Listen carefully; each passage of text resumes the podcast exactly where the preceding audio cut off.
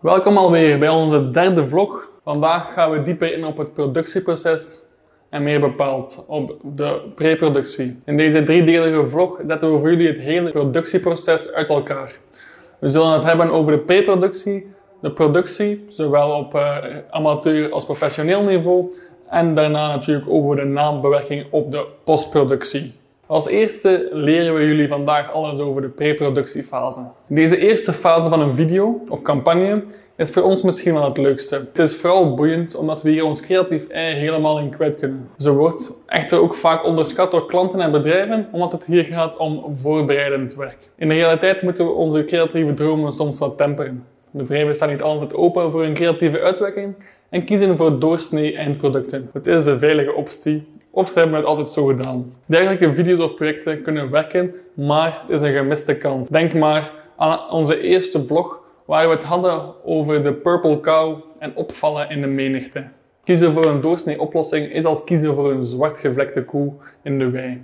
Terwijl je een paarse koe zou kunnen zijn. Maar hoe zit de preproductie nu net in elkaar? En nog belangrijker, Waarom zouden we hier tijd aan spenderen en niet gewoon snel beginnen filmen? Twee voornaamste zaken voor het werken met goede voorbereiding zijn een vlot verloop tijdens de productiefase en duidelijke verwachtingen creëren voor de klant. Met het laatste vermijden we discussies bij het opleveren van de video's, aangezien de video eigenlijk al vast ligt nog voor het moment dat we starten met het opnemen. Bij FUS starten we steeds met verschillende scripts, afhankelijk van hoeveel video's er gevraagd worden. Het script geeft een duidelijk verloop van start tot finish. Indien er interviews gevraagd worden door de klant, dan worden deze hier ook in verwerkt, samen met de mogelijke vragen en antwoorden. Wanneer de klant vraagt om extra visuele ondersteuning van de scripts, dan zetten we deze om in storyboards. Storyboards laten met nog meer detail het verloop zien. We schetsen frame per frame wat er gefilmd moet worden, hoe lang elk beeld duurt en wat er daar net in gezegd wordt of welke informatie er meegegeven wordt. Ik hoor je al denken,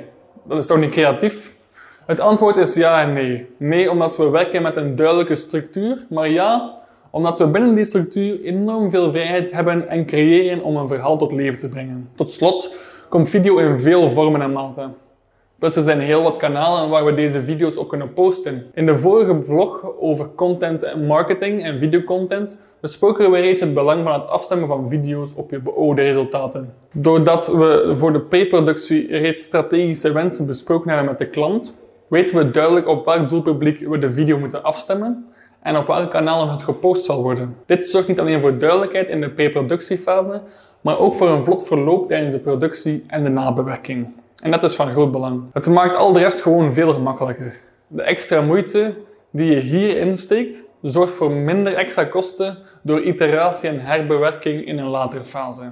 Wil je ook starten met video voor jouw bedrijf, maar heb je geen idee waar te beginnen? Download dan via de link ons videocanvas waarin we je op weg zetten naar een vlekkeloze voorbereiding. Of plan een vrijblijvend kennismakingsgesprek via de link onderaan om je knelpunten met ons te bespreken. Laat ons daarnaast ook gerust weten wat je van deze vlog vond door ze te liken en jullie bevindingen onderaan in de commentaren te schrijven. Heb je nog vragen, zet ze daar ook gerust en wie weet komen we daar in een volgende vlog wel op terug. Hartelijk bedankt en stay tuned.